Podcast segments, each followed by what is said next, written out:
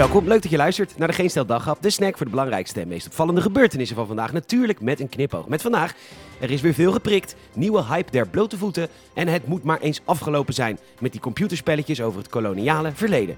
Mijn naam is Peter Bouwman en dit is het nieuws van zondag 24 oktober.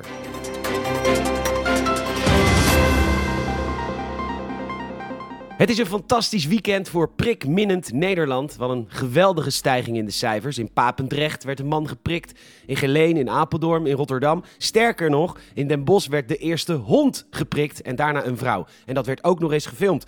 Bij de GGD waren ze natuurlijk over de zeik, want je mag geen beeldmateriaal maken tijdens het prikken. Dat deed de dame in kwestie stiekem toch, de belhamel. Of mensen die beelden alsjeblieft niet willen delen. Dat zou een aanzuigende werking kunnen hebben. Maar we willen toch juist dat er meer mensen worden geprikt? Of gaan we nu opeens te horen krijgen dat ook geprikte mensen gebruik maken van de zorg? Ik snap er helemaal niks meer van.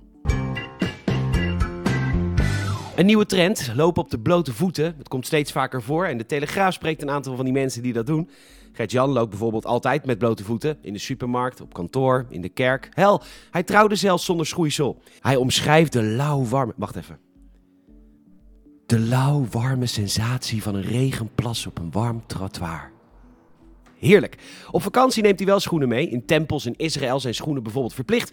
En als een restaurant hem weigert, omdat het tegen de regels is, vraagt hij even naar het reglement. Leuke vent hoor, want er zou echt niet in staan dat schoenen verplicht zijn. Net zoals er niet in de restaurantregels zal staan dat het ten strengste verboden is om tegen andere gasten aan te pissen. En er zou ook niet in staan dat het niet de bedoeling is in het voedsel van een wild vreemde te roggelen. Die eer is enkel behouden aan de koks natuurlijk. Ene Rut wijst op nog meer voordelen. Ze heeft geen zweetvoeten meer. Dat klopt. Niet te ruiken door al dat Het was weer raak in Rotterdam. Een massademonstratie en clashes met de mobiele eenheid, waterkanon... Wacht, is dat de Rotterdamse marathon? En zijn er duizenden mensen bijeen die gewoon vrolijk en lekker verbindend zijn en zo? Wat is hier aan de hand? Wat zijn dat voor mensen?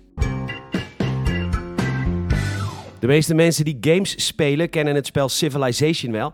In dat spel dien je een beschaving op te bouwen en dat doe je middels geweld, handel en technologie. Volgens Angus Mol, columnist bij de Volkskrant, krant van hoop en helaas een witte man, anders was die Black Angus geweest. Haha!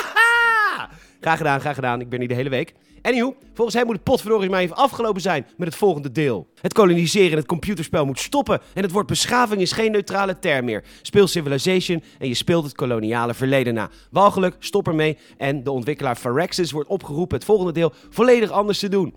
Wij willen ook graag de makers van Call of Duty vragen te stoppen met, ja, ja, het niet goed behandelen van vrouwen en transgenders en zo. Dat moet zeker stoppen. Maar ook stoppen met het nadoen van de Tweede Wereldoorlog. Want omdat we dat spelen, denken wij allemaal dat die nazi's hele goede gasten waren. Wij burgers kunnen het verschil tussen feit en fictie niet zien. En bovendien kunnen wij niet van een game genieten. En tegelijkertijd erkennen dat aspecten van dat stukje entertainment gebaseerd zijn op dingen die fout waren in het verleden. En dus moet van bovenaf worden beslist dat wij burgers die entertainment niet meer mogen consumeren. Wow!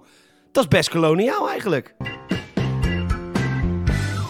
Bedankt voor het luisteren. En je zou ons enorm helpen als je een vriend of vriendin vertelt over deze podcast. Je kan ons volgen via vriendvandeshow.nl en Spotify. Krijg je altijd een update als er een nieuwe daghap verschijnt. En je mag een Apple Podcast review achterlaten. Zou ik heel fijn vinden. Vijf sterren alsjeblieft. Zouden wij enorm waarderen. Nogmaals bedankt voor het luisteren en tot morgen.